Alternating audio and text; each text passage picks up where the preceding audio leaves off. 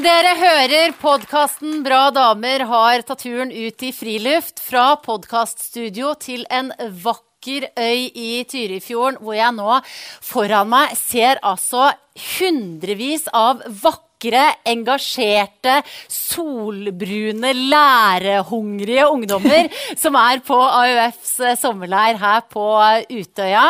Og Sjefen for alle disse engasjerte ungdommene er dagens eh, bra dame, Ina Libak. Hvordan har du det? Altså, Jeg har det sånn som deg. Når jeg ser utover her, så er det bare ja, fantastisk å være her. Og så er jo dette det er jo laget mitt, drømmelaget, så jeg blir egentlig sånn ja, rørt av å sitte her og være en, en del av det her, og at vi endelig er samla og skal være her sammen på Utøyafestivalen. Ja, for det er litt sånn, ja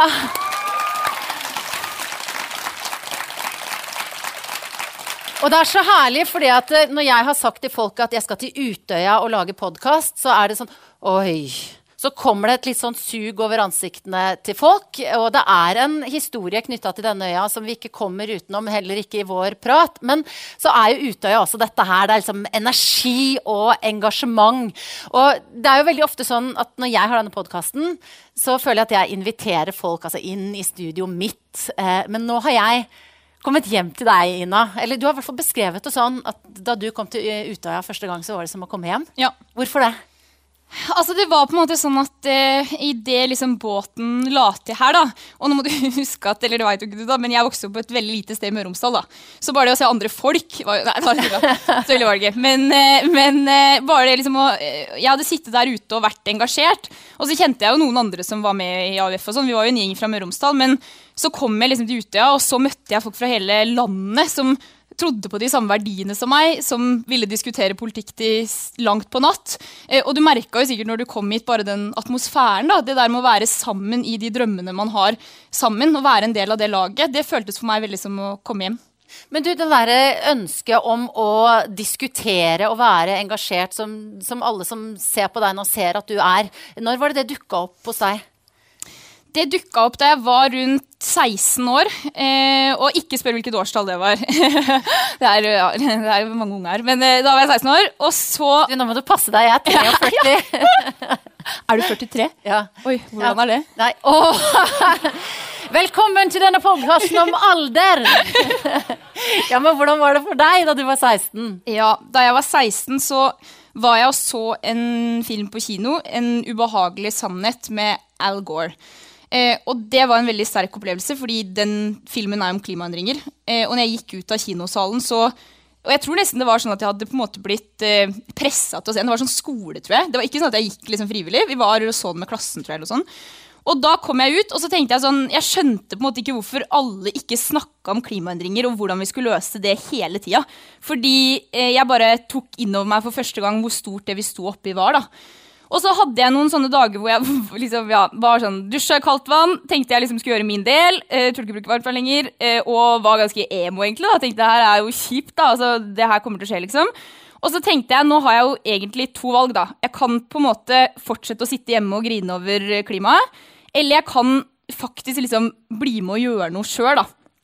Og for meg så var det faktisk en veldig sånn sterk opplevelse, fordi det var egentlig første gang jeg tok liksom inn over meg at historien og hvordan verden ser ut, det er ikke noe man bare har fått, liksom. Det er noe du kan være med selv og faktisk påvirke.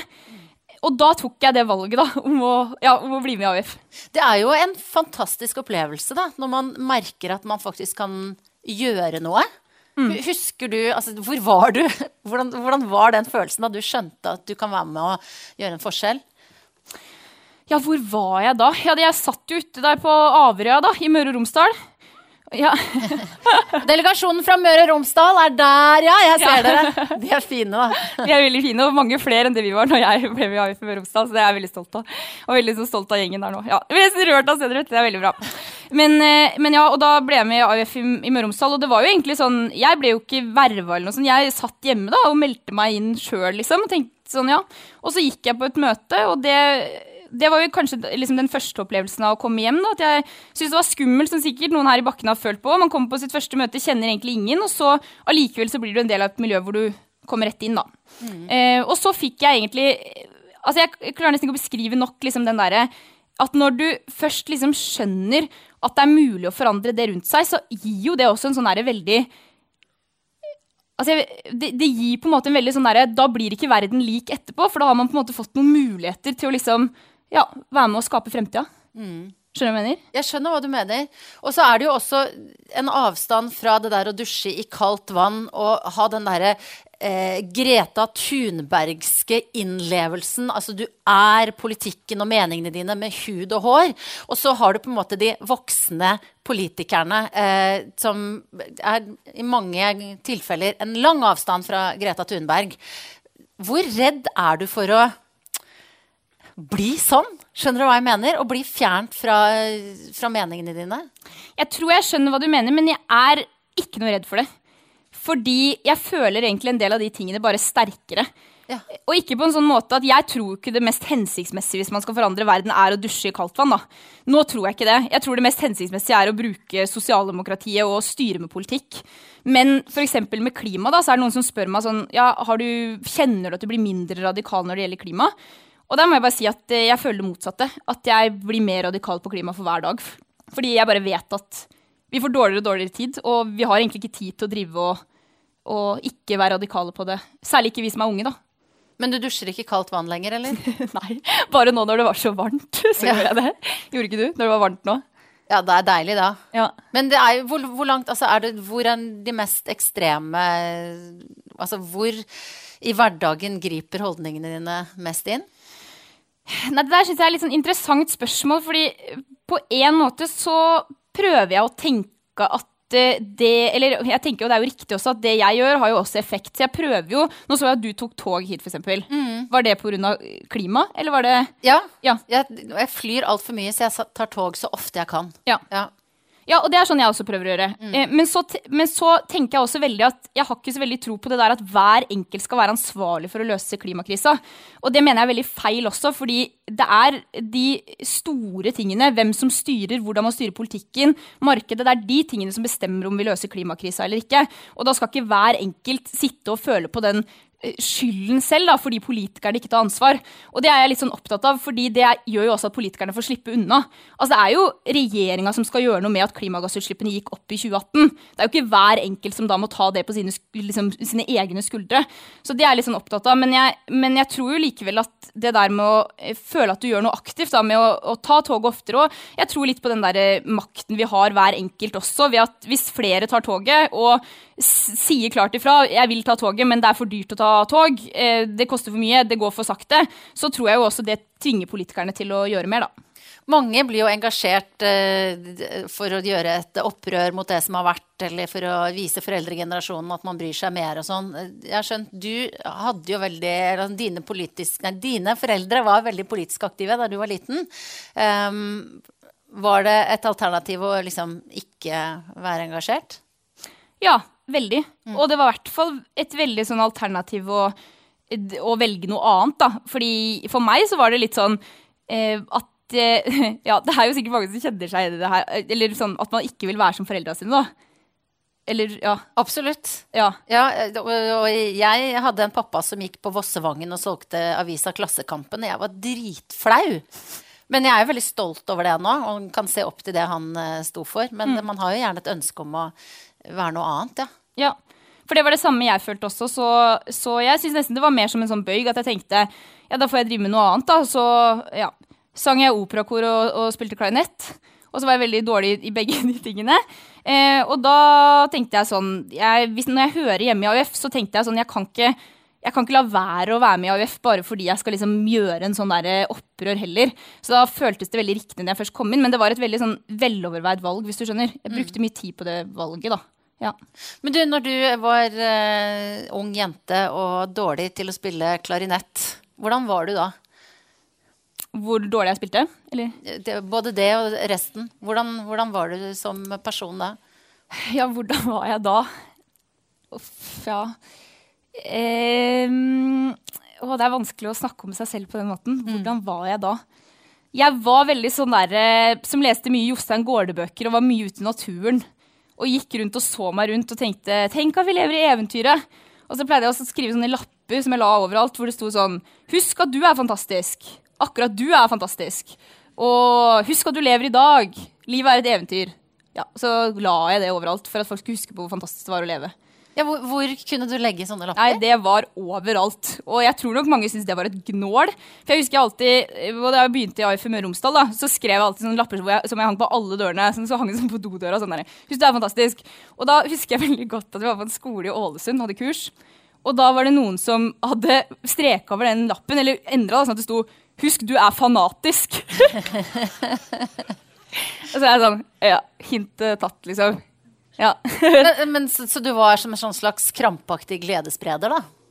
Nei, jo, eller jo, kanskje litt. Men eh, jeg har jo jeg, jeg, Det er jo veldig fantastisk å leve, da. Og jeg vil jo at folk skal gå mer ut i naturen og tenke hvor fantastisk det er å leve. Men jeg tror kanskje ikke folk gjør det mer av at jeg står og skriker det inn i øret deres. liksom. Gå ut og se hvor fint det er i naturen. Så har kanskje roa meg litt, litt på det. Men jeg syns jo noen ganger at vi er eh, for dårlige til å si at vi er fantastiske òg, da. Så ja, jeg vil jo liksom at folk, eksempel alle liksom gjengen min i AUF, da, som jeg er veldig glad i hver dag, og tenker sånn, tenk hvor mye alle her står på for AUF hver eneste dag, så har jeg jo lyst til at liksom, folk skal vite det, og sånn, jeg setter veldig stor pris på det. Det er, det er fantastisk at du gjør det, liksom. Mange snakker jo også sånn til seg selv, eh, for en slags sånn indre peptalk. Hvor mye gjør du det? Hvordan da? Du er fantastisk, Ina. Dette klarer du. Du ser kjempebra ut i dag. Smiler til deg selv i speilet. Sånne ting er det mange som forteller til meg eh, at de, de gjør for å hva skal jeg si, holde peppen oppe, da. Hvordan gjør de det, liksom? Nei, noen gjør det helt konkret, høyt og tydelig til seg selv i speilet. Andre har det som en slags sånn indre monolog hvis de gruer seg til noe. Nei, det har jeg aldri gjort, men jeg, kanskje jeg skal prøve det. Hva gjør du da når du skal Nå er det jo på Utøya første gang som eh, AUF-leder. Og jeg vet du skal holde en tale i morgen som er viktig for deg. Ja. Eh, Hva gjør du for å forberede deg til det, f.eks.? Nei, eksempel så har jeg jo snakka med deg om det i to timer langs hele kjærlighetstiden hvor nervøs jeg er, da. Så det hjalp veldig. Jeg må bare si det så det er veldig pris på, så jeg skylder deg for det. Men eh, det jeg prøver å tenke, det er at eh, For det første at jeg er noe del av noe større. At liksom det, er ikke, det er jo ikke bare sånn om jeg holder en tale eller ikke. altså Nå prøver jeg å finne Astrid her, fordi hun pleier alltid å bruke sånn Ole Gunnar Solskjær-sitat. Der er hun, ja. Eh, så er det liksom sånn at enkeltmennesker kan vinne debatter, men bare et lag kan vinne et valg, liksom. Er det riktig? Ja, nesten. Astrid er en av dine nærmeste medarbeidere. Ja da, hun er nestleder, og hun er fra Kristiansund, så det er veldig mye Ole Gunnar Solskjær i monitor. eh, men at jeg prøver å tenke det, da. At, eh, at jeg er en del av et eh, helt lag, liksom. For jeg tror hvis man lar alle prestasjoner liksom hvile at, at dette er et være eller ikke være, hvordan det går med dette, så blir man også litt sånn selvsentrert, kanskje. Så det føler jeg hjelper. Og så prøver jeg jo å, tenke, å gi det samme rådet til meg som jeg gir til mange, da. Fordi mange, særlig jenter, sier jo til meg sånn Jeg kan ikke holde tale fordi jeg er for nervøs. Og da tenker jeg alltid at hvis jeg skulle ikke holdt tale de gangene jeg er nervøs, så hadde jeg jo ikke holdt en eneste tale. Og da hadde det jo vært mange taler av menn 50 pluss. Som ikke blir så innmari nervøse. Som kan snakke og snakke og snakke i det uendelige. Så jeg prøver liksom å tenke det samme, at min stemme er også viktig. Og at, eh, at jeg må tørre å bruke den stemmen, da, og at den nervøsiteten Da får jeg bare leve med det. Og at skjelver det i stemmen eller det går dårlig, så får det bare gjøre det, egentlig. Ja. Men som, eh, som leder i AUF nå, eh, så kommer du til å være i mange situasjoner, da, antageligvis hvor du er eh, nervøs. Ja. Hvordan takler du det? ja, hvordan takler jeg det? Jeg vet ikke om jeg takler det så veldig bra, jeg. Eh, Jeg syns i hvert fall ikke det er noe skummelt å snakke om det. Selv om jeg tenker, noen ganger så blir det ikke bedre å drive og hause seg opp heller på det og si hvor nervøs man er. Men, men jeg syns ikke det er noe skummelt å si det, for det tror jeg kan bygge ned terskelen for andre. Hvis alle går rundt og later som de ikke er nervøse, så tror jeg man mister en hel gjeng med folk som egentlig er nervøse, men som ikke skjønner at alle er det. Em, men jeg takler det vel bare på den måten jeg prøver å ha fokus på den oppgaven jeg skal gjøre, og tenke at nå går jeg opp, og så har jeg noe jeg skal si. Og dette jeg skal si er viktig, jeg kan ikke holde kjeft om det her. Skjønner du hva jeg mener? Jeg skjønner hva du mener. Og jeg vet at en av de tingene som har liksom drevet deg inn til det store engasjementet du har, og det nevnte du også med en av grunnene til at du trives her på Utøya, er at det er en øy. Og at eh, om ikke ligger helt ute i havet, så er det i hvert fall noe som ligner på der du eh, vokste opp. Selv om Altså, jeg har vokst opp på Voss, det høres ikke sånn ut. Eh, du er fra Møre Så og har vi Romsdal. Og så har vi Vossvann, Ja. er det mulig. Eh, den podkasten er sponset av Nei, men eh, det, du har altså vokst opp på Averøy, Averøy eller Averøya? Jeg sier Averøya. Men Averøy, ja. jeg tror liksom stedsnavnet er Averøy. Ja, ok. Ja. Eh, og det er da en eh, øygruppe, masse småøyer, og du har bodd på en mikroliten en med 30 innbyggere eller noe sånt. Ja. Eh, forklar oss hvordan, hvordan naturen er der. Ja, altså det er jo den fineste naturen jeg vet om. Altså jeg synes nesten det er vanskelig å ja, si det. Eh, fordi det jeg savner mest da, når jeg går liksom her nedi her hvor det ikke er så mye hav, det er jo det store havet, da, hvor du ikke ser slutten av havet. Eller horisonten, på en måte. Um, og så er jo naturen veldig sånn vill, da. At man er vant til at liksom været skifter fra en dag til den neste. Alt der er veldig sånn, på en måte litt sånn rått og brutalt, liksom. Som jeg gjør at jeg, jeg føler liksom at folka der også er veldig sånn Er vant til å ja, håndtere mye, da. At livet, livet gir og gir. Livet er liksom mye forskjellig. Og ja, og at du liksom tar det som kommer, og ja. Alt føles veldig sånn ekte der. Er det derfor naturen har blitt så viktig for deg? Ja, det er kanskje det. Og det der med å gå i naturen er jo veldig sånn Hva, hva skal jeg si? Det er jo Jeg syns det er veldig sånn når, man går når jeg går i naturen, så, så får jeg både liksom Man tar inn noe som er veldig sånn ekte. Og i tillegg så får, får man jo ofte tid til å liksom tenke på ting som går litt lenger enn hva skal jeg gjøre i dag, hva skal jeg gjøre i morgen. Så de gangene jeg vil tenke på sånn ja, hva er det som er urettferdig for hvem i 20, eh, 2019? Hva er det viktigste? Hvem er de viktigste AUF skal være til for? Hvor burde vi egentlig være om ti år? Hva kan vi gjøre for det? Så går jeg ofte i naturen for å tenke på de tingene, for å få litt sånn ro til å tenke litt lenger, da. Hvilken natur liker du best? Jeg er jo da eh, vossing, som du hører, så jeg er jo glad i fjell. Å ja. Ja. Men jeg, jeg, og det, men jeg tror det er litt det samme som Ja, og hvor er Hordaland-benken her? Der er Hordaland. ja, det er mine folk, da. Ja. Eller altså Jeg vet ikke om, er, ja, om de er mine akkurat. Det er mer dine, kanskje. Men det er litt den samme råskapen sant, som, eh, som du beskriver fra havet. Eh, det er de fjellene. Og der tenker du dine eh, lange, store tanker. Hvem er det som får lov å være med deg på sånne rusleturer?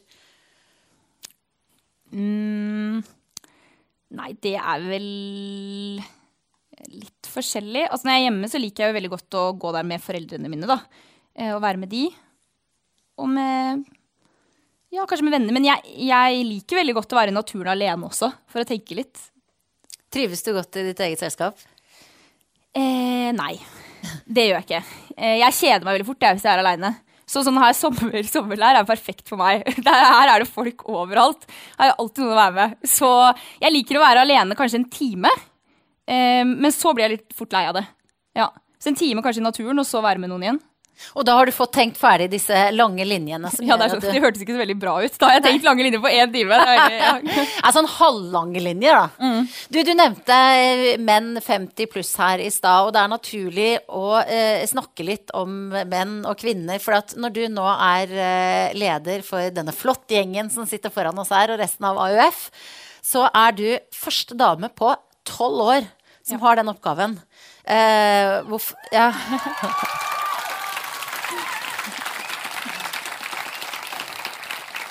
Hva er det som har Hvorfor har det tatt så lang tid, tror du? Altså, Jeg veit ikke helt. Og så bestemte jeg meg litt for sånn når jeg gikk på som leder, at jeg ikke skulle dvele så mye med det, hvis du skjønner. Men heller Ja. tenke sånn at nå har vi fått en dame. Og det er jeg sånn, det var jammen på tide. Fordi både kvinner og menn skal være ledere, og da er det sånn etter tolv år så må vi ha en dame. Eh, men men jeg, det er ikke sånn at jeg tenker liksom på det hele tida i hverdagen. Men det betyr jo noe at vi har en kvinnelig leder, i all ydmykhet, men så betyr det jo noe at vi har en kvinnelig leder. for det betyr jo noe alle de posisjonene, at man har kvinner i alle ledende posisjoner, selvfølgelig betyr det noe. Hvis ikke så kommer jo AUF-ere i, AUF-ere i flere generasjoner bare ser mann som er leder, så blir man jo veldig vant til det. Nye AUF-ere som kommer på møter, ser å, jeg er leder, det er det mann som er, liksom. Eh, og derfor så tenker jeg at det er utrolig viktig at, eh, at vi har kvinner som er ledere.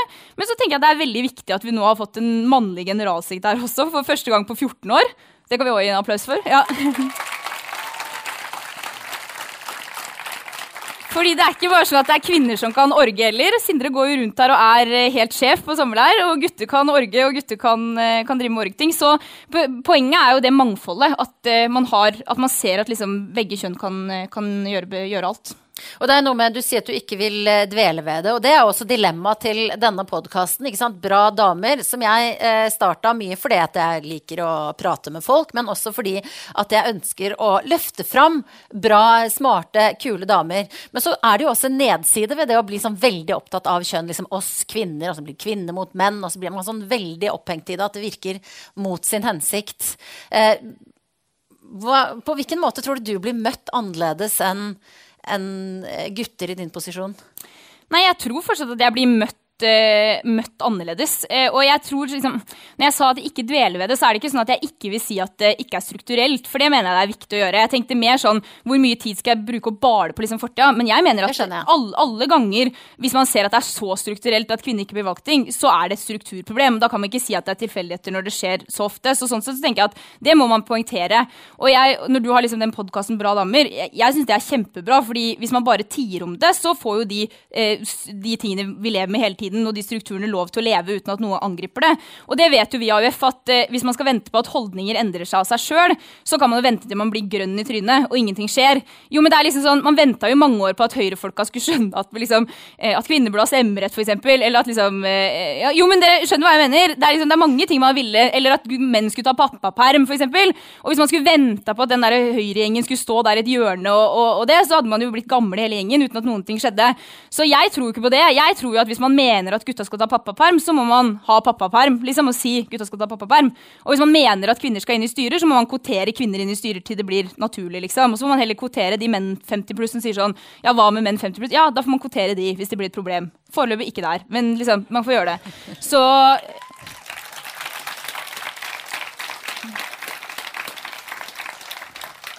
Det er uh, ofte uh, damer jeg snakker med i denne podkasten, eh, har hatt en følelse av å ta for stor plass i oppveksten. blitt plassert litt sånn mellom de to bråkete gutta, eller blitt fortalt at de kanskje skal prøve å snakke litt lavere eller le litt mindre. I hvor stor grad har du opplevd det? Jeg vet ikke om jeg opplevde at jeg følte at jeg tok for stor plass jeg var jo litt bølle på skolen, da. Så der fikk jeg ofte sånn ja, tilsnakk, liksom. Hva slags bølle var du? Nei, sånn, bare lagde veldig mye uro. Hva slags uro? Nei, ja, det her det, det temaet har jeg ikke snakka så mye om før. Um, det er viktig å være, være, bra på skolen, ikke lage bråk. Derfor nå tenker du på de aller nei, nei, nei, nei, som er her? At de gjør seg som de vil. Altså, det er ingen av de som hører på meg på det, tror jeg. Men, eh, men eh, nei, jeg, var, jeg lagde veldig mye bråk, ja. Og jeg syntes det var veldig vanskelig å sitte i ro. Og jeg, og jeg, var veldig sånn som ikke klarte å holde liksom, Altså, du vet, det, det, er veldig sånn, Jeg skal prøve å forklare det. fordi jeg gjorde jo ingenting for å være sånn, Det var ikke sånn at jeg lagde noe, noe gjorde noe slemt eller noe. Men det, du vet de folka som bare sånn Du lager liksom ulykker uansett hvor du går. Sånn for eksempel heimkunnskap, da, som var mitt uh, dårligste fag. Fikk tre heimkunnskap um, på ungdomsskolen. Og da um, det var det ingen andre som fikk, tror jeg. jo, det var sikkert noen andre som fikk det. Jeg fikk det. Og da var det for eksempel sånn Det var veldig vanskelig å liksom um, ja, for eksempel ikke liksom søle ut noe, eller sånn eh, ja, For eksempel så hadde vi fått lagd peppernøtter til jul, da. Og da var det sånn, da hadde jeg peppernøttene i en pose, og så liksom skulle vi ta med de hjem. Og så var det veldig sånn at jeg gikk med den posen, så var jeg sånn, å, nå skal jeg holde den posen i ro, så skal jeg ikke, ikke gjøre noe med den. Den skal jeg ta med. Den skal jeg ha til jul. Og så begynte jeg liksom å snurre med den, så bare sånn, lurer på hvor mange ganger jeg kan slå den liksom før før det, det, faller ut. Og så var det liksom poff, katastrofe. Masse kjeft, måtte rydde. Satt, liksom, ja. ikke sant, skjønner du? Jeg var en sånn, sånn der, som liksom aldri klarte å bare forholde meg helt til reglene. Men det er, Men det er viktig også... å følge reglene på sommerleir. Veldig viktig. Ja. Men det er jo en vidunderlig energi, du, energi da, som du nå da bare viser så tydelig når du prater og engasjerer deg. Sånn. Det er den peppernøttenergien som bare skal kanaliseres inn til noe bra. Og du har jo veldig sånn der eh, aura av krefter rundt deg. Det er sånn at jeg lurer på Når er du på en måte helt rolig? Rolig? Ja, nei, det var ikke så jeg, eh, Jo, jeg er rolig. Jeg eh, Ja, når jeg er helt rolig jeg hva, Når er du helt rolig? Så får jeg litt tid å tenke på. Eh, ja, nei, jeg kan være ganske rolig. Jeg er veldig god til å slappe av med Mac-en og fire episoder av en Netflix-serie sånn. Da er jeg veldig rolig. Ja. Søndag formiddag er jeg veldig rolig. Jeg tror kanskje at jeg er eh, jeg gjør det samme noen ganger. altså Ser på Netflix. Og så er jeg veldig glad i å lese bøker. da, Og det tror jeg er fordi jeg vokste opp et sted med ikke så mange rundt meg alltid. Eh, og da ble jeg veldig sånn at jeg fant veldig mye sånn selskap i å lese bøker. da, Så da blir jeg veldig rolig. Jeg lever meg veldig inn i de bøkene jeg leser ofte. Og så Ja, blir jeg rolig, som jeg sa i stad. da. Jeg blir rolig av å gå i naturen. Så det ligger en eh, ro rundt deg nå, siden du er på naturskjønne Utøya. Ja, det gjør det. Og vi har jo, som du sa, gått en, en fin runde rundt eh, øya her i dag. Eh, fortalt mye skrønerhistorier og fnisa. Og også vært fylt av et stort alvor. Som jeg kjente på når jeg satt i bilen hit i dag, når jeg satte meg på båten ut hit. At det er en veldig spesiell følelse å bli invitert hit. Eh, og du har vist meg hvor du gjemte deg bak et piano hvor du lå i gresset sammen med flere andre og gjemte deg. Um, og jeg vet at dette her er historier som du har vært gjennom både i rettssaken, fortalte til uh, presse og intervjuer tidligere. Hvordan jeg, jeg, Det gjør jo veldig inntrykk på meg å få være del av dette og få høre dine historier. Hvordan er det for deg å, å gjenfortelle de tingene som skjedde for åtte år siden? når jeg gikk der liksom rundt um, med deg, så syns jeg det er veldig fint når sånn som du, da, kommer ut og blir liksom en del av historien vår, da. Jeg syns det er veldig sånn godt å få liksom eh, vise på en måte Utøya til deg, hvis du skjønner hva jeg mener. Ja. Eh, og gi deg Jeg føler jo på en måte det er liksom nesten å gi en gave, da. At du, ja, at du får se det, liksom. Fordi jeg er jo så glad i alle disse tingene. Og, og egentlig sånn fint at du får se både det gode og det vonde, for det er jo, det er jo sånn Utøya er, da. Og jeg syns ikke det hadde vært riktig heller hvis vi hadde gjemt bort det vonde på Utøya, fordi det er en helt naturlig del av vår historie, eh, dessverre. Men det er en veldig viktig del av historien vår, og, og det er viktig at vi fortsetter å ta vare på den historien, da.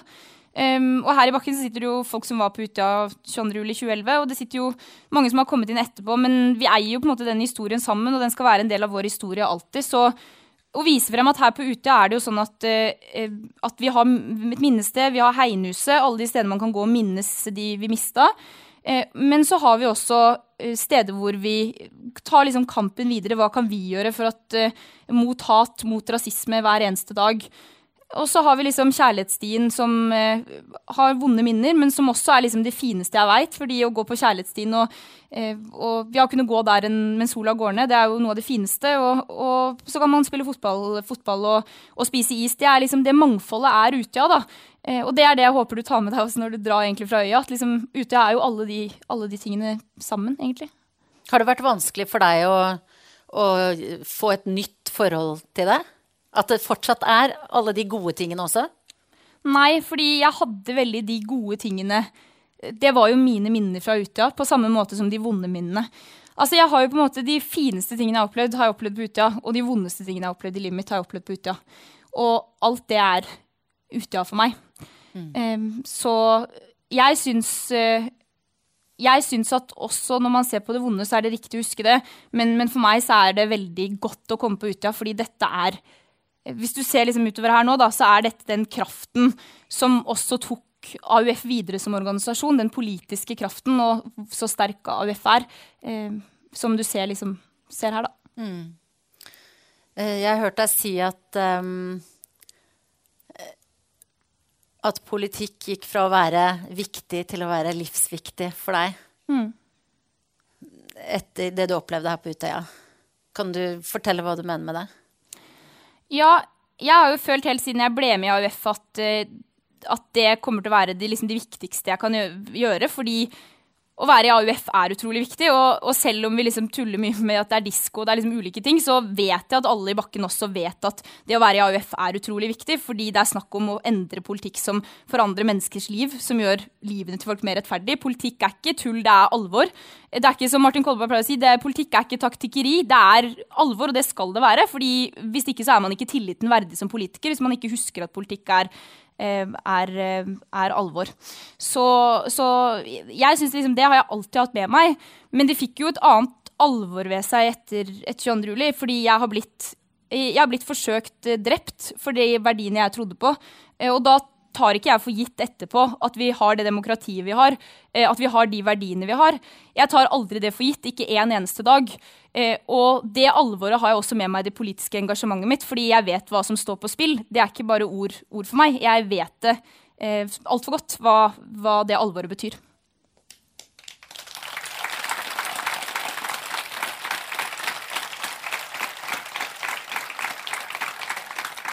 Jeg vet ikke om dere som bare hører lyden av denne podkasten, liksom, Du vet hvordan det er lyd av forskjellige typer applaus? Du vet sånn applaus med latter og applaus Dette var en sånn det var en stor klem. En sånn varm applaus. Sånn følte jeg det òg. Ja, det var nydelig. Du sier at det, var, altså, at det ble livsviktig, men jeg tenker også Var det ikke litt fristende å bare liksom slutte med alt? Bare forlate den verdenen som hadde ah, blitt liksom veldig vond, da?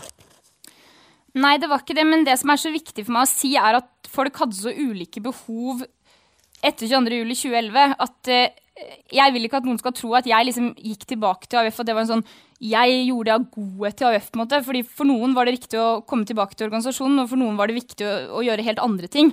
Og jeg er sånn opptatt av at alt det er selvfølgelig eh, liksom, like greit. Og jeg gjorde det fordi jeg følte at det var veldig meningsfylt for meg. Og jeg kan ikke si at det bare har vært lett. Det har det jo ikke i det hele tatt. Altså, det har vært mange dager jeg har syntes det har vært hardt, og jeg syns det har vært vanskelig. Men det har alltid vært mer meningsfylt enn det har vært vanskelig, og derfor har det vært, uh, vært riktig for meg. Hva er det som har gjort at du har klart det, tror du? Nei, det er et utrolig vanskelig spørsmål. Jeg tror det å være i AUF med det samholdet med alle som er i AUF, og få lov til å være med på det, det har gjort at eh, jeg har følt at det har vært meningsfylt og veldig fint å være med på.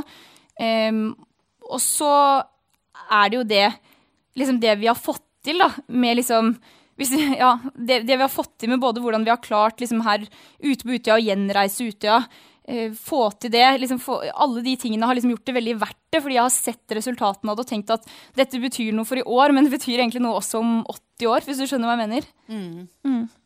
Og det var jo veldig nydelig det de har laget til her med minnesmerker og utstilling som du viste meg.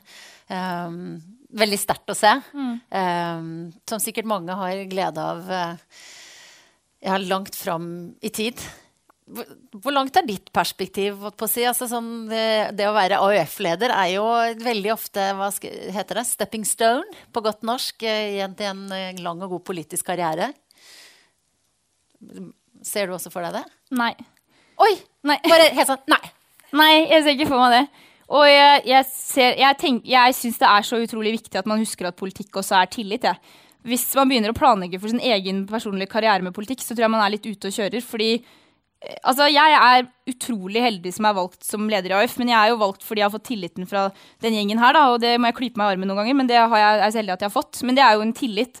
Eh, og begynner du liksom å tenke at du selv er avhengig av politikken fordi du skal ha det som en karrierevei, så er det litt sånn farlig vei, for da tror jeg du ja, både liksom glemme, kanskje kan glemme hvem du representerer, og, og hvorfor, ja, hvorfor du sitter der. da. Så jeg er jo sosionom sosialarbeider. Mm. Og det gleder jeg meg til å jobbe, jobbe, som igjen. Så dette her er bare en sånn liten, det skal bare være OF-leder litt, og så skal du tilbake i sosionomjobben? Ja. ja. Mm. Hva er det med den som, eh, som, du liker så godt? Ja, hva er det med det? Altså, det, er litt det er litt vanskelig å forklare, fordi da jeg ble sosionom, så følte jeg liksom at jeg eh, ja, det var sånn, Nå tenker jeg at jeg kunne ikke hatt et annet yrke enn det. Og jeg studerte jo egentlig noe annet. Jeg gikk jo på litt sånn økonomigreier, og så tok jeg litt sånn landbruksfag i Ås og sånn. Um, og så bestemte jeg meg for å bare bytte beite, og så skal jeg bli sosialarbeider. Mm. Og det jeg liker med det, det er liksom det at uh, du får både det derre møte mennesker som jeg liksom, jeg skjønner egentlig ikke hvorfor jeg trodde jeg skulle drive med tall også, fordi det er jo det jeg liker best. da, å møte mennesker. Men så gjør du har ikke liksom bare den der praten, da, for jeg er litt sånn handlekraftig person. Så jeg, jeg, du får også liksom hjulpet til med et eller annet. Liksom Enten så er det noe pengegreier du kan løse, eller om det er eh, noe med omsorg med ungene. liksom Uansett hvor du jobber, da, eller noe med rus i rustjenesten og sånn, så gjør du også alltid noe praktisk i livene til folk som forhåpentligvis da gjør livene til folk bedre. Dette med å ønske å bidra, enten som politiker eller som uh, sosialarbeider, uh, hvor har du det fra? ønske om å bidra. Altså, jeg tror jo egentlig Dette blir litt sånn ideologisk og sosialdemokrat, da, men jeg, jeg, har jo veldig tro på det at alle ønsker å bidra. Ja. Og at liksom noe av det vondeste du kan oppleve i et liv, det er liksom hvis du føler at du ikke får bidratt. Og vi snakker mye om det i AUF, men når én av ti unge er utenfor arbeidslivet nå, så gjør det meg veldig sånn oppriktig bekymra, fordi en ting er liksom det med skatteinntekter til staten, og alle de tingene, men det gjør noe med én av ti unge når de går hjemme på dagtid og ikke får bidratt til samfunnet. liksom. Så det, er det noen som har bruk for meg? Er det noen som etterlyser deg? Nei, du sitter hjemme. Det gjør noe med et menneske. Og for å bare si det litt personlig, da, så eh, etter 22. juli, når jeg var ganske skadd, så prøvde jo jeg, eller følte på kroppen, da, hvordan det var å slite med å få bidratt. Jeg skulle studere, og jeg hadde ingen armer som fungerte. og det var, det var liksom mye som gjorde at jeg også fikk opplevd hvordan det var å, å ikke føle liksom helt at jeg var til nytte. Eh, og den opplevelsen der bare tok jeg med meg veldig liksom til det politiske engasjementet senere. At, eh, at eh, hvis et menneske lever med å bare motta, eller bare det, da får du ikke den verdigheten som menneske. Um, og det er vel derfor liksom, et av de mest kjente Arbeiderparti-sitatene er liksom at uh, ja, jeg er ikke mest stolt av uh, den økonomiske veksten, men jeg er stolt av at folk ikke lenger står med lua i handa. Fordi én ting er liksom hva man får til liksom, på det nivået, men at, at folk i Norge og folk liksom har den verdigheten ved at du går på jobb, du forsørger deg sjøl, det er bruk for deg, du vet at noen etterlyser deg hvis du ikke kommer på jobben. Det tror jeg er så utrolig viktig for mennesker. Når er det du føler eh, deg mest menings... Altså at det du gjør er mest meningsfylt? Når er du liksom fylt av en sånn glede og kraft? Når vi får til gjennomslag som jeg tror betyr noe for Norge og verden. Og det er jo det vi jobber for i AUF hele tida, de gjennomslagene. Så når vi sto på landsmøtet og hadde vunnet Lofoten, Vesterålen og Senja, så tenkte jeg at dette øyeblikket er kommet til å huske så lenge jeg lever. For da sto vi der, og vi hadde kjempa for det sammen med aktivister, med fiskere, en hel gjeng som hadde kjempa for det, at de områdene skulle være oljefrie. Og så sto vi der, og så var det sånn Ja, etter alle, etter alle de årene, liksom, så hadde vi vunnet den saken, da. Ja.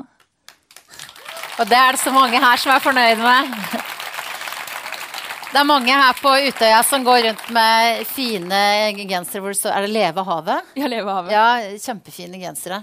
Uh, og det er jo en kamp som dere vant. Uh, altså Kanskje ikke spesielt akkurat den, da, men altså, jeg blir alltid så veldig nysgjerrig på eh, hva skjer i kulissene, og hvordan er tonen? Ja. Eh, hvordan er tonen? mellom hvem? Det er mellom deg og f.eks. Jonas Gahr Støre, da, når dere snakker om eh, havet som må leve. Nei, jeg, ja, jeg vet ikke om du blir sånn glad eller skuffa for å høre den her, men den, er veldig god. Ja. Ja, vi er veldig... Jeg ble skuffa, merker jeg. Ja.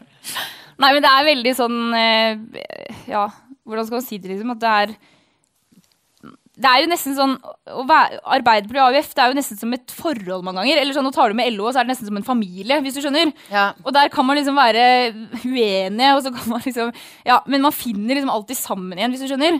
Og det er liksom trygt å, trygt å krangle, fordi du vet at kjærligheten ligger i bunnen. da. Og sånn føler jeg at det er. Så vi går opp og holder liksom fantastiske gode innlegg som mange her gjorde. Og harde innlegg, ikke minst. Men eh, etterpå så er stemninga god. og og, og, det er en respekt i bunnen. da, det der med at Man vet at uh, man kan være uenig, men alle har samme mål, og det er at vi tror at dette vil føre til mer rettferdighet. Dette er, er bra. da. Eh, å ha den respekten for hverandre, det, det, er veldig viktig, tror jeg. Og ikke begynne å ja, tenke at den andre vil vondt, eller at den andre ja. Er det sånn du har vokst opp? her? Sånn det har vært i familien din? Hvordan da? Sånn, Med harde diskusjoner og kjærlighet i bunn? Eh, ja. Egentlig. Hva har dere diskutert hjemme? Vi har diskutert, eh, diskutert eh, alt, egentlig. Av liksom sånn ja, små og store ting. Og det var, fall, ja, det var ikke alltid noe kjære mor på argument. Du måtte ha argumentasjonen i orden ja, hvis, de, hvis, du skulle vinne diskusjonen. Det var ikke noe sånn godhet på det bare fordi jeg var yngre. Så du har fått din eh, debattrening eh, hjemme på Averøy? Ja, litt sånn ved middagsbordet. Ja. Ja. Hva er det ellers du har tatt med deg fra mammaen og pappaen din? Ja, hva har jeg tatt med fra de? Jeg har eh, i hvert fall tatt med veldig sånn fra faren min. Han er veldig sånn som viser alle liksom, respekt med det man kommer med av argumentasjoner, liksom alle de tingene, men alt skal være i orden. Liksom at, der er det ikke sånn at du bare kan mene noe. Da må du kom, vise til hvorfor du mener det, og du må ha faktaene i orden. og Han er veldig sånn. Ja. Men han er veldig opptatt av å stille spørsmål ved hva all, alle mener. Og det har tatt meg veldig at, liksom, at du kommer litt langt med nysgjerrighet, og ikke bare være sånn Nei, det var idiotisk å mene. Men å spørre ja, hvorfor mener du det? Hvorfor? Ja. Og av moren min så har jeg fått med meg veldig Hun er også sosionom, da. Ja. Så hun, hun har fått med meg veldig eh, den derre respekten for mennesker, og at alle mennesker står i noe ulikt, og prøve, alltid prøve å liksom vise godhet for de rundt deg, og sette seg inn i deres livssituasjon for å, for å ja, rett og slett å være veldig, veldig snill da, mot de rundt deg. Prøve å være snill. Hvordan kan du gjøre det beste for de rundt deg, liksom? Hva gjør du for å være snill med henne? Har dere et nært forhold? Ja, det har vi. Så jeg, jeg ringer henne veldig ofte, ja. ringer og, ja. Men jeg burde kanskje være flinkere til å gjøre litt sånn enda litt sånn snillere ting. Hva da, for eksempel? Nei, jeg vet ikke. Jeg, jeg, nå, nå er jeg spent på om du har det likt, men det som jeg alltid har litt dårlig samvittighet for når jeg drar hjemmefra, det er at når jeg kommer hjem, så føler jeg at jeg blir sånn, veldig sånn tenåring. At jeg rydder veldig lite etter meg sjøl, liksom, og bare sånn tar for gitt at de skal lage middag, og tilbyr meg liksom ikke så veldig det. Men de, det er ikke sånn at de godtar det, da de sier sånn 'nå kommer du og hjelper til', liksom. Men at jeg kanskje kunne gjort noen sånne snille ting mer, kanskje. Ja. Ja.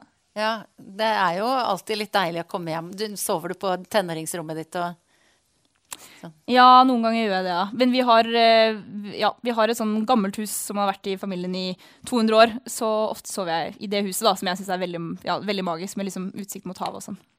Ja. Du, jeg ba deg om å eh, ta med en dings, en ting som skulle si noe om hvem du er. ja. Oi, der ligger den der, ja! Ja, jeg har den her. Det er ja, et lite håper å si, kremmerhus med Ja. sneglehus. Et lite skjell. Ja. Kjempefint. Å, nydelig. Er, hva, fortell meg om dette. Ja, den der er fra, har jeg plukka på Hasseløya på Averøya, da, der jeg vokste opp. Så når jeg er hjemme, så plukker jeg de Altså, når jeg var liten, så, så var jeg helt sånn overbevist om at, de, at det var laget av noe sånn ekte. Fordi bare se for deg at du ser dette når du er barn, liksom. Så, Ja. så er det jo, glinser det jo, liksom. Og det er sånn, Sånn ja. sølvforgylt, nærmest. Spisst lite sneglehus. Ja. eller skjell. Ja. Og da synes jeg de var sånn, og de er jo selvfølgelig litt sånn sjeldne, da, så lette etter de hele tiden. Og fortsatt når jeg er hjemme, når jeg ser det sånn, så tenker jeg sånn, det må jeg bare ha, ha med meg. Og så driver jeg og putter de overalt, da, for å liksom ja, jeg syns bare de er veldig fine, og så minner de meg liksom om, om hjemme og hvor jeg kommer fra. Så jeg driver og setter de liksom, har noen på kontoret, og så har jeg noen hjemme og ja, Kanskje noen i alle rom, egentlig. Ja. Kanskje du skal ta med deg her, så er vi i hvert fall kvitt ett fra hjemme. Nei, men, men kan jeg få Du må jo ha, ha Hvor er det denne har sin vante plass? Hvor er det denne har sin vante plass? Nei, den var på kontoret mitt. Den var på kontoret Ja. ditt. Hvor sannsynlig er det at du flytter tilbake dit? Til Averøya. Ja. Mm, ja, hvor sannsynlig er det? Så jeg tenkte i mange år at det var veldig usannsynlig, men i det siste liksom, har jeg begynt å lengte veldig etter havet. da. Men jeg, men jeg tror ikke det er så veldig sannsynlig kanskje at jeg flytter tilbake, dessverre. Jeg har blitt veldig som, vant til å bo her nede nå. Du lengter etter havet. Ja. For sannsynlig er det at du flytter tilbake til Voss. Nei, det er, si det det, det er ikke så sannsynlig. ikke så veldig. Beklager til Hordalandsbenken igjen, er- men jeg bor i Bergen, da, så jeg er jo i riktig fylke, om ikke helt ved de høyeste fjella. Du, jeg pleier å, å stille alle gjestene mine tre sånne kjappe, overfladiske eh, spørsmål. Eh, det første er eh, hva spiste du til frokost i dag? Ja. Eh, jeg spiste et knekkebrød med kremost og agurk på. Og det må jeg bare innrømme, det er utrolig pinlig, men det var det eieren som hadde lagd i stand til meg, ja. Ja. Så, ja. Det er rådgiveren Og jeg glemte det. Ja, jeg, jeg glemte å gå innom frokosten. Men eieren sa du må spise, og så kom hun med det. Ja. Ja, for det har jeg merka at hun kom også nå før vi skulle på scenen her eh, foran dette fine publikum på Utøya, så kom hun med en sånn energibar. Du har en tendens til å glemme å spise når du er litt eh, travel, eller? Ja, jeg har det. Ja. Hvorfor blir det sånn? Nei, jeg vet ikke. Jeg bare liksom glemmer det, og så er det så mye å tenke på. Ja. Bra du har Eirin, da. Hva syns du om maten her? Kjempegod. Jeg fikk en nydelig eh, tomatsuppe servert i stad. Og da, det må jo ha vært etter dine arvtakere, for jeg vet at du hadde jo eh, kjøkkentjeneste eh, fast her på Utøya. Ja, jeg var alltid i kjøkkengjengen. Ja. Ja. Hva var spesialiteten din? Oppvasken. Ja. Så ja, det var den der treeren i heimkunnskap. Det var det. jeg styrte, men jeg er veldig stolt av, fordi hvis man ikke hadde hatt noen som tok oppvasken, så hadde det vært helt kaos her ute på øya. Jeg synes egentlig faktisk vi skal gi en applaus til de, de som driver øya med arbeidsgjengene.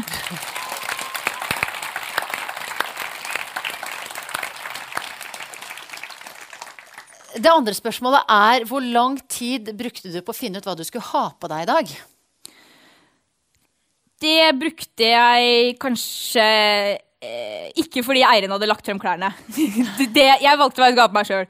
Men det brukte jeg veldig kort tid på, fordi eh, jeg hadde jo den her Utøya-genseren. Som Veldig fin anbefaler blå deg å kjøpe. Utøya-genser med lilla skrift på. Ja. Kjempefin. Og det er liksom årets merch, så den håper jeg du kjøper med deg. For den er veldig, ja, Så den hadde jeg lagt frem, da. Gleda meg til å ta på. Er det sånn at eh, den, med den synlige rollen du har nå, blir man mer eller mindre forfengelig av den? Mm, kanskje litt mer, ja. Men jeg er ikke sånn som bruker lang tid om morgenen. Jeg sminker meg på ja, kanskje et halvt minutt. Og så kler jeg på meg på ti sekunder. Ja, jeg er veldig sånn derre på morgenen. Ja. Effektiv, Ja. eh, effektiv dame. ja. Og så, så pleier jeg jo å stille spørsmålene mine Altså Dere som hører på podkasten, vet at jeg har et litt sånn unødvendig og flaut spørsmål på slutten, som er 'Når hadde du sex sist?' Og det er på en måte ingen, ikke så veldig mange i hvert fall, sånn gode innholdsmessige argumenter for å ha det. Men jeg gjør det liksom en sånn ekstremsport, fordi at jeg syns det er like vondt å spørre om som det er for dere å høre på. Men så Altså, dere tror dere har det vondt, men ja. Altså. Det er jeg som har det vondest her. Bare så alle kommer. Nei, men det som er, at jeg vet jo at, eh, at nå er jo dette her litt sånn oppbyggelig setting, og mange av dere er jo eh, knapt fylt 13 år. Så jeg tenkte at vi kunne ha en sånn Utøya spesial av det spørsmålet. Og det er, jo- jeg har jo selv gått på kjærlighetsstien eh, med deg i dag og sett hvordan det syder og yrer her borte på campen. Så det jeg lurer på til slutt, er hvor mye har du klint på Utøya? Åh, det er så stusslig. Eh, uff, jeg har aldri gjort det. Har du aldri klint? Nei. Men det er, er liksom bra Ligger bra an for det. Jeg har kanskje småklint litt, da. Ja. Men ja. Nei, jeg veit ikke. Det, det har vært veldig dårlig med turer på kjærlighetstien for min del. Så det er oppfordring til alle. Få med noen på kjærlighetstien. Ja. Altså hvis de vil. Jo, men det er veldig viktig. Altså spør, ja, og ja og betyr ja, og nei betyr nei. Men, men eh, gå på kjærlighetsstien, og uansett gå med en venn om ikke annet. For det er veldig fint å ta den turen rundt der. Så det håper jeg alle gjør. Det er bra du fikk med litt sånn eh, tydelighet Ja. og ja betyr ja og sånn på tampen der. Og da passer det jo bra å runde av med et uh, spørsmål som er knytta til tittelen på denne podkasten. Bra dame. Hvordan definerer du en bra dame? Jeg syns at eh, man er ja, liksom, Å være bra dame Man skal ikke være noe sånn ekstra liksom. Jeg synes Noen ganger kan bli så mye press på at liksom, du skal være sånn og sånn hvis du er dame. Så egentlig har jeg lyst til å si sånn du er bra nok bare ved å være deg sjøl, liksom. Ja. Uh, men jeg vil jo også si at det der med å heve stemmen og tørre å ta plass, fordi, og det vil jeg at dere jentene skal huske, at man gjør det ikke bare for seg sjøl, du gjør det også fordi du er forbilde for de som kommer etter deg. Så hvis du sjøl liksom ikke har helt lyst til å alltid liksom ta ordet eller ta plass og sånn, så gjør det liksom likevel, gå den ekstra, fordi da får du liksom noen som kommer etter deg, som kan se opp til deg, og så tør de å gjøre det også. Akkurat sånn som du gjør. Ja, prøve i hvert fall. Tusen takk skal du ha, Ina. Tusen takk skal dere ha. Ja, tack så mycket. Ja, tack.